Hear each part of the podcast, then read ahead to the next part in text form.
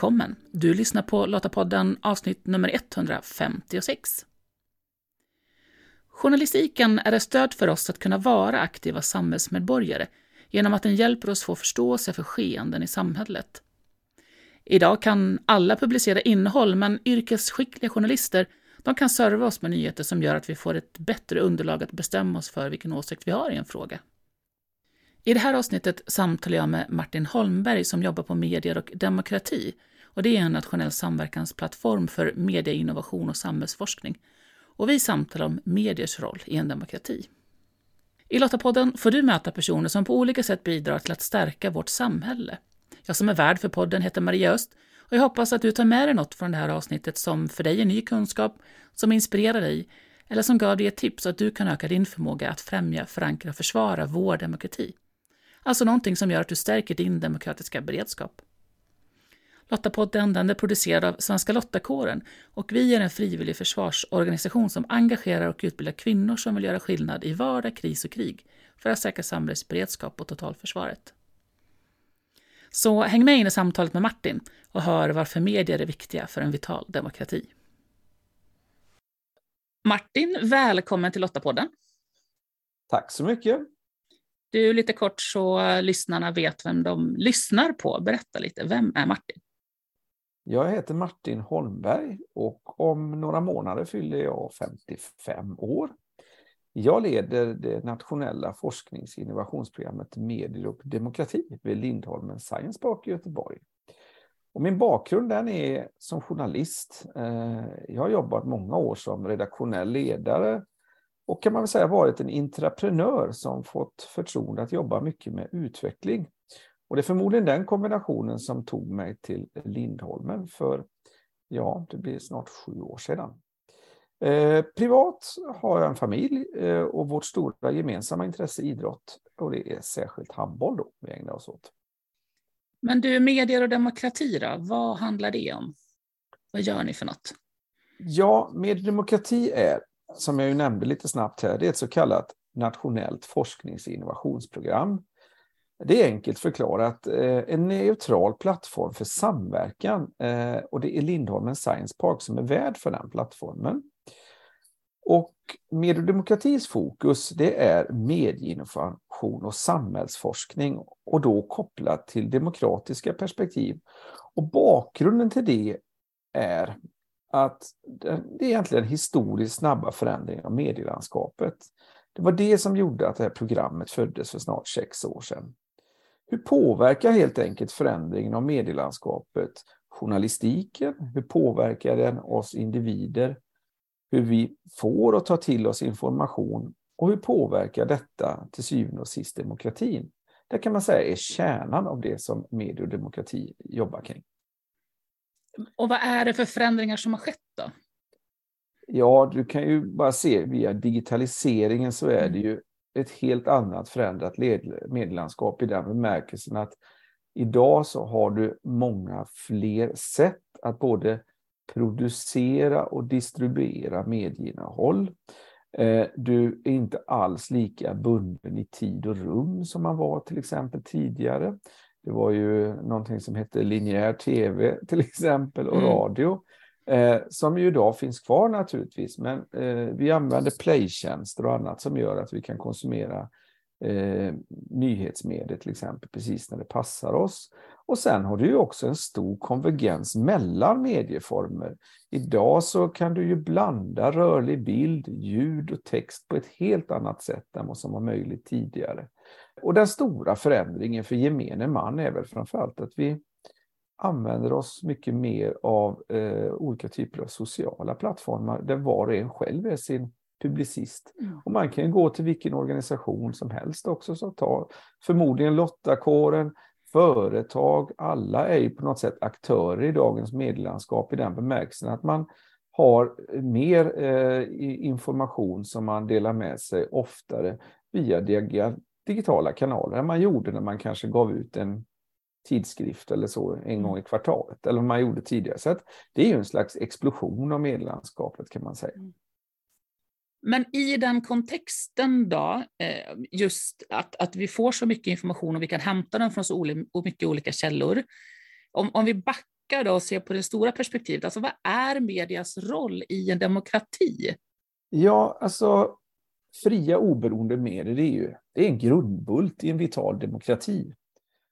Mediernas roll där är ju, och det är väldigt tätt sammanflätat med yttrandefrihet, meddelarfrihet, tryckfrihet, offentlighetsprincipen. Det är ju historiskt sett en svensk paradgren eller paradområde mm. detta.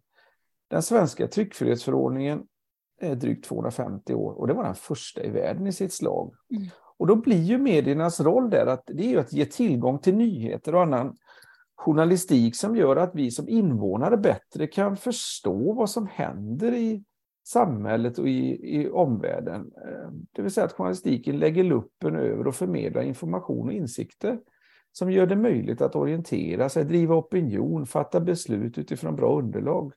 Och då brukar man ju säga att det är till exempel utifrån fakta och olika perspektiv. Och för den representativa demokratin som vi ju har, där vi faktiskt ger politiker vårt förtroende, är det viktigt att politiska processer och beslut kan granskas. Mm. Dels så att vi som invånare, som jag var inne på, kan vara med och påverka. Dels för att vi ska kunna vara så informerade och uppdaterade att vi som medborgare och invånare kan ställa krav och ansvar på våra beslutsfattare. Så där har ju verkligen journalistiken och medierna en viktig roll. Och jag håller ju med om det här, alltså vikten av att, att någon ändå har kunskap och kan ställa rätt frågor för att skapa en, en bild som, jag ska inte säga sann, men, men som ändå speglar olika perspektiv.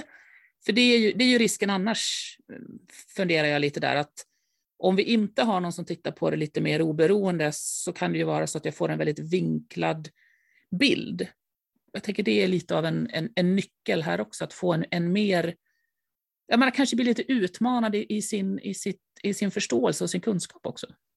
Ja, men så är det ju. Alltså, nyhetsmediernas mål är ju naturligtvis att förmedla sanning. Sen så är ju vissa saker är ju i en ständig förändring så att, eh, ja, vad ska jag ta för mm. exempel som är väldigt enkelt?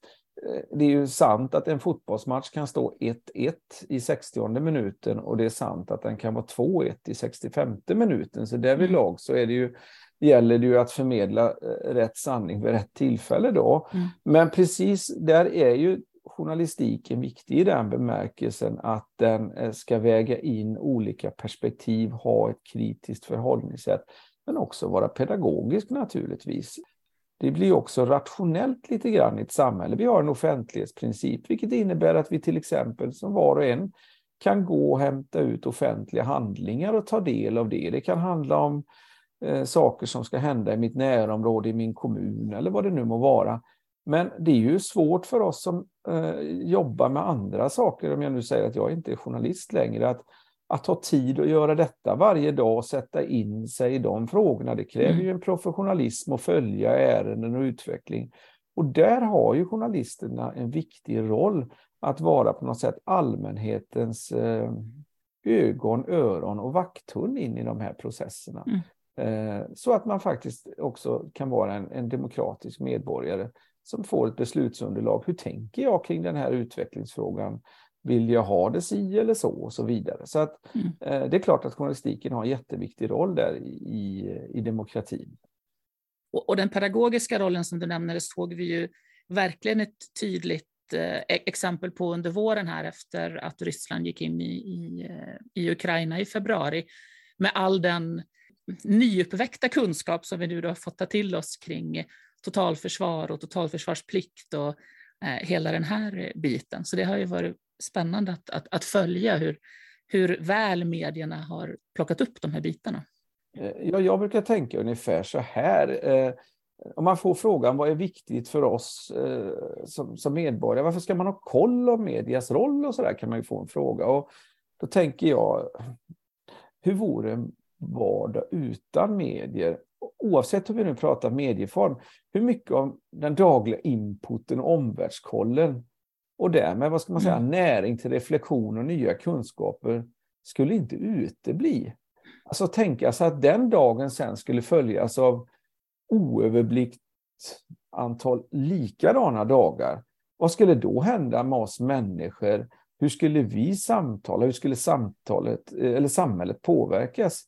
Så jag tänker någonstans här, om man kommer till slutsatsen att medier har en viktig funktion för utbyte av just information och kunskap, ungefär som banker har eller pengar i samhället, är det ju verkligen viktigt att fundera på hur demokratin eh, och därmed vars och ens möjlighet att vara med och påverka skulle funka mm. utan medier och den typer av friheter som jag tidigare nämnde. Då. Yttrandefrihet, meddelarfrihet, tryckfrihet och så vidare. Ja, men, och jag tänker just det här, den här oberoende rollen också, att den verkligen eh, får vara kvar, att det inte blir så att eh, politiken till exempel dikterar vad som får skrivas om. Det är ju också naturligtvis ett grundfundament att, att du har oberoendet och att du kan lita på det oberoendet, eh, att det finns där. Och det är klart att där har du också en skillnad idag i, i det medlemskap vi, vi lever i. Att var och en kan vara sin publicist på sätt och vis. Och då kan du ju driva frågor väldigt tydligt eh, mm. utifrån ett eh, perspektiv som du vill driva det. Eh, i, I en redaktionell miljö med en ansvarig utgivare och olika typer av människor och olika kunskaper så, så har du ju, vi pratar ju ofta om den, den objektiva journalistiken eh, och sen skiljer man mellan det som är news och views, det vill säga news, där ska ju inte enskilda reportrar eh, så att säga i grunden på något sätt blanda in sina egna eh, ståndpunkter eller annat, utan man ska förhålla sig så objektiv och professionell. Däremot så har vi ju krönikörer och andra så kallade tyckare, eh, kan man väl uttrycka det då, som i, i nyhetsmedier till exempel, som kan ge sin tydliga utgångspunkt varför man tycker och, och, och, man kan driva opinion och så. Ledarsidor är ett exempel på det, kultursidor och så. Men då ska man ju vara väldigt tydlig utifrån eh, vilket perspektiv man gör det. Det är ju ofta därför som, som tidningar då har en, en märkning att den är oberoende liberal eller vad man nu har för så att säga, beteckning till exempel politiskt. Så att den som läser det får en slags varudeklaration utifrån, ja, det är utifrån den här plattformen som den här krönikören eller ledarskribenten, där man då funkar som opinionsbildare utgår ifrån. Men nu, Martin, vi har ju ett projekt tillsammans, eller ja, Lottakåren och Medier och demokrati och två stycken mediehus har ju ett projekt tillsammans eh, som är finansierat av Myndigheten för psykologiskt försvar, där vi just ska titta på det här då med att stärka journalistik, eller lokaljournalistik specifikt, i kris. Mm. Berätta lite, vad handlar det här om? Eh, ja, det tycker jag är ett väldigt spännande projekt och eh, det är nya gränssnitt som möts. Men projektet utgår, om man ska backa lite, i grunden från ett antal olika förändringar och skeendet i samhället. Ett skeende är att, kan man säga, senaste decenniet, även om den trenden delvis har svängt nu, är att lokala nyhetsmedier inte längre har journalister på lika många orter orter. Det är alltså mer glest mellan professionella journalister. Vilket ju såklart innebär att den typen av lokala medier riskerar att förlora lokalkännedom. Vilket mm. kan vara väldigt olyckligt, exempelvis i krissituationer. Samtidigt så ökar ju oron i omvärlden. Vi har också en, eh, möjligheter och eh, i en orolig omvärld kan ju dessutom vara de som har väldigt starka intressen av det att eh, sätta igång rykten och desinformation och så vidare. Och här vill projektet undersöka om de i krissituationer så viktiga liksom, lokalmedierna för, för den oberoende journalistiken är ju väldigt viktig i krissituationer och utsatta situationer. Om den kan stärkas av en organisation som eh, dels har mycket lokalkännedom, dels verkar för demokratin och i det här fallet så är det ju Lottakåren som då är en projektpartner. Så det forskare inom journalistik och krisinformation vid Göteborgs universitet ska studera är om redaktioner. Och här är det två geografiska områden som finns med i projektet. Det är dels Värmland, dels Blekinge. Om de redaktioner som har tillgång till lokala infolottors ögon och öron kan stärka den lokala journalistiken och exempelvis motverka eventuell propaganda och vilseledande information. infolottorna här ska inte på något vis funka som publicister. Men kanske kan den där lokalkännedomen, den lokala närvaron visa sig mm. vara väldigt värdefull för att stärka den eh, mm. lokala journalistiken. Och tanken med projektet är också att lokalt stärka det som kallas MIK, eller medie och informationskunnighet. Vilket också är viktigt i en tid där, där så mycket förändras i medielandskapet, där ny teknik och andra saker kommer in och skapar nya möjligheter, men också eh, risker som är viktigt som medborgare och invånare att, att vara medveten om, eller som mediekonsument brett kan man väl säga. Ja, det är ju ett jättespännande projekt eh, från vår sida också då naturligtvis med tanke på att vi får en möjlighet att stärka våra infolottor, men just också utifrån uppdraget att vi vill ju eh, vara en, en, en, ett stöd i det lokala samhället för att det ska vara tryggt och säkert. Ja, det, det är lite så vi jobbar där med innovation då. Eh, det är ju någonstans att man testar ju nya saker som man kanske kan göra på ett nytt sätt och som skapar nya värden. Men innan man har prövat en idé så vet vi ju inte. Så att det är ju ingen som eh, kan säga att det blir så, men däremot så kan det ju vara ett bra och viktigt resultat om det visar sig att detta faktiskt stärker den mm. lokala journalistiken och människors kunskaper inom medieinformationskunnighet om man säger så.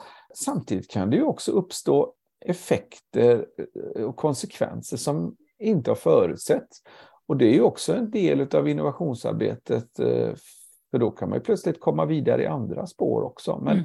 det är ju det tydliga fokuset och det, det är jätteintressant, vad ska man säga, eh, projektkonsortie tycker jag då, där ju med demokrati är den sammanhållande parten. Eh, eftersom vi som sagt var, vi har inga egna produkter eller tjänster utan är en neutral plattform men där då eh, lokala eh, mediehus, eh, ni inom Lottakåren och forskningen här ska, mm. ska pröva detta eh, på ett antal testmiljöer kan man säga. Jag tycker det är ett jättespännande projekt. Ja, men verkligen.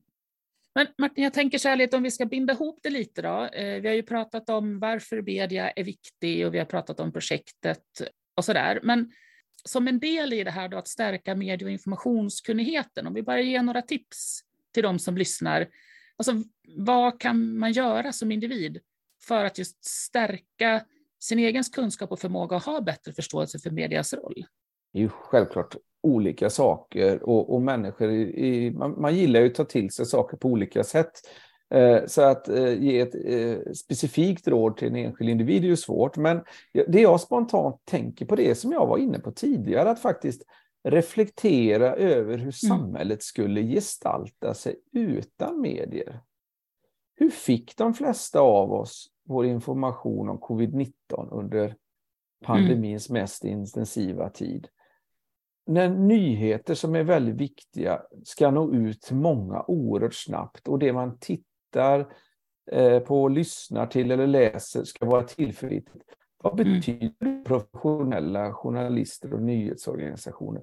Det är ju bara, tycker jag, viktiga frågor att reflektera mm. kring. Eh, sen tycker jag det är viktigt att säga att man ska ju naturligtvis också eh, reflektera med, med, med kritiska ingångar, precis som man gör till allt här i världen i princip, även kring medier naturligtvis. Sen finns det ju olika aktörer som jobbar med det här med medie och informationskunnighet. Så att det kan man ju i princip eh, googla, eh, kan man göra på ett sådant ord. Så kan man eh, till exempel komma till Statens medieråd som har en hel del att läsa om det här och öka förståelsen. Ni inom Lottakåren jobbar ju med det som heter demokratisk beredskap, kallar ni för va? Mm. Eh, där finns ju en del av detta. Så det finns ju olika typer av aktörer som, som är verksamma inom det här eh, området. Eh, så, så det, det, är väl några exempel som jag bara snabbt kan dra då. Bibliotek till exempel, där kan man knata in och fråga lite grann om sådana här saker. De är ofta ganska eh, välutbildade inom det här området. Eh, så att där kan man säkert snacka med en bibliotekarie om man har specifika frågor. Eh, och framförallt kan de tipsa om, om, olika typer av litteratur inom området, för, för det är väldigt, väldigt brett. Mm. Så att därför är det också svårt att fånga in och säga att gör så här. Utan, eh, men det, det, är några tips spontant. så. De tackar vi för Martin. Och så ser vi fram emot att kunna återkomma med hur det går med projektet när vi har kommit lite längre. Jag återkommer gärna om ni är intresserade och det ska bli som sagt jag är som du, jag är nyfiken på vad forskningen kommer att hitta. Hur tar du del av nyheter? Funderar du på vilka källor som är tillförlitliga och tänker du kritiskt när du läser en text eller ett inlägg? Det är inte lätt alla gånger, men viktigt för att vi inte ska bidra till att sprida felaktig information. Här behöver vi hjälpas åt att ha en bra dialog om det vi läser, hör och ser. Lästips relaterat till det vi samtalat om i det här avsnittet det hittar du på lottapodden.se. Om du, precis som Svenska Lottakåren, tycker att fred, demokrati och mänskliga rättigheter är värda att försvara och du vill vara med och göra skillnad för vårt samhälles beredskap och totalförsvar, ja men då ska du gå till svenskalottakåren.se. Där hittar du information om hur just du kan göra skillnad. Nästa avsnitt av Lottapodden det kan du lyssna på den 8 december. Så om du inte redan gör det, prenumerera på Lottapodden så får du nästa avsnitt automatiskt i din poddapp så fort det släpps. Du hittar podden bland annat i Apple Podcast, Podbean eller på Spotify. Och om du gillar Lottapodden, berätta gärna för andra om oss och lämna gärna en recension på Apple Podcast eller Spotify, så hjälper du fler att hitta till podden. Om du delar avsnittet i sociala medier så tagga gärna med hashtag Lottapodden. Och tack för att du lyssnar. Hej så länge!